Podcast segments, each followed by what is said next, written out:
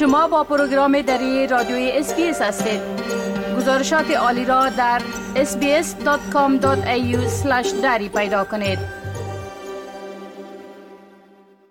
حال با جاوید روستاپور خبرنگار برنامه دری برای جنوب آسیا به تماس هستیم که اونا طبق معمول درباره تازه ترین رویدادها در افغانستان معلومات میتن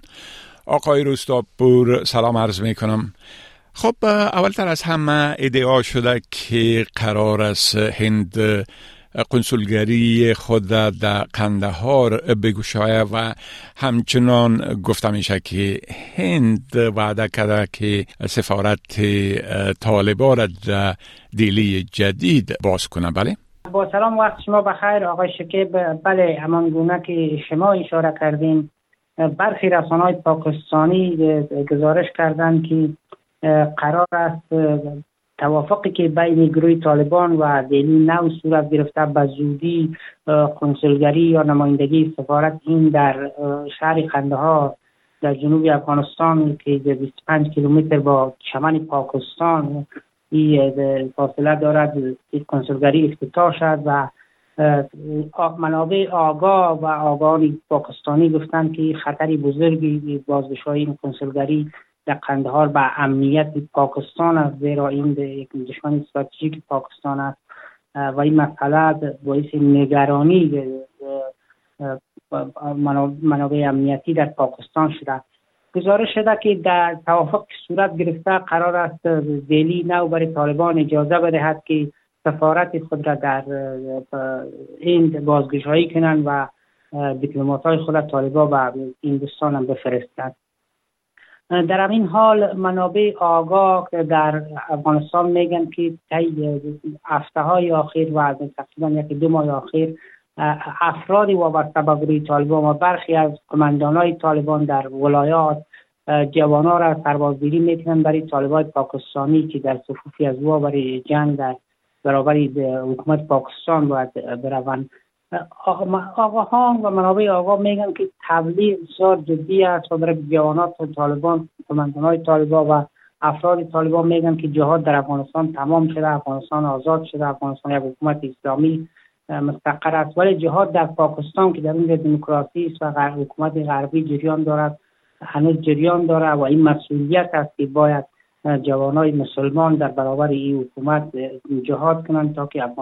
پاکستان هم مثل افغانستان پیروز شد و یک حکومت اسلامی در پاکستان باید مستقر شد بله خب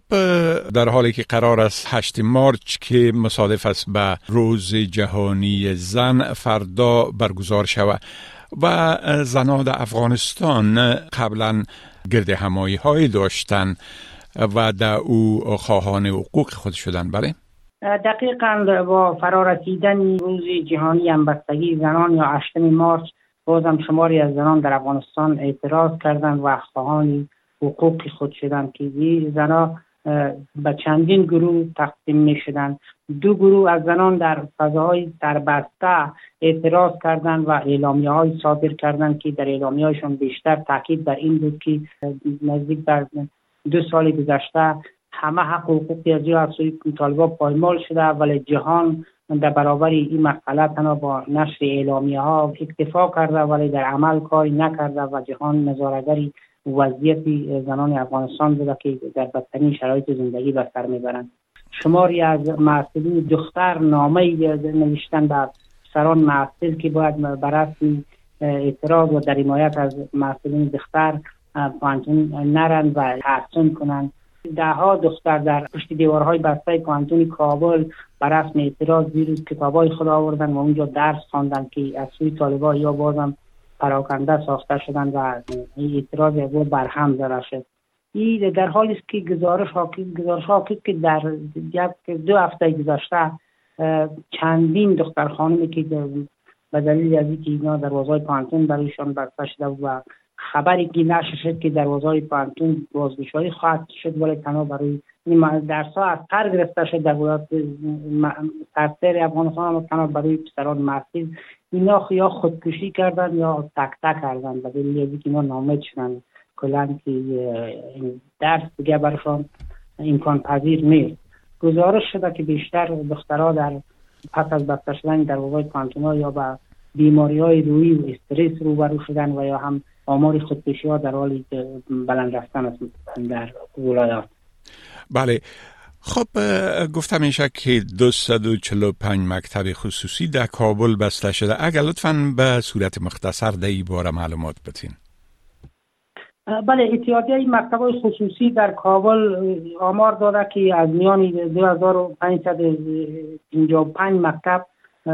240 مکتب در 245 مکتب در کابل مسدود شده که با بسته شدن یعنی مکاتب حدود 3560 چند معلم یا آموزگار از کار بیکار شدند این اتحادیه دلیل مسدود شدن این مکتب ها را مشکلات اقتصادی عنوان کرده و به دلیل از اینکه بیشتر متعلمین مکتبات دختران بودن و پس از اینکه دختران تحصیل بر تعلیم برشان و آموزش برشان از سوی طالبان من قرار گرفت مکتبا با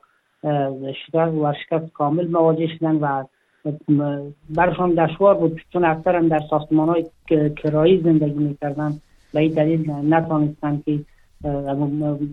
مشکلات اقتصادی خود را یا مصارف را قرار بود اینا بپردازن یا تایه کنن و به همین دلیل دروازه های مکتب های خصوصی بسته شد و تاکید کرده اتحادیه مکتب های خصوصی که احتمال از این میرد که بیشتر مکتب های خصوصی در کابل و ولایات که اکثرا در ولایات آمار نبوده و در ولایات هم ده ها مکتب مسدود شده و در آینده مکتب های خصوصی بیشتری دروازهایشان بسته خواهد شد به دلیل مشکلات اقتصادی. بله. خب بسیار تشکر آقای روستاپور از این معلوماتتان و فعلا شما را به خدا میسپارم و روز خوش برتان آرزو می‌کنم. وقت شما هم خوش خدا حافظ ناصرتان. بپسندید شریک سازید و نظر دهید. اسپیس دری را در فیسبوک تعقیب کنید.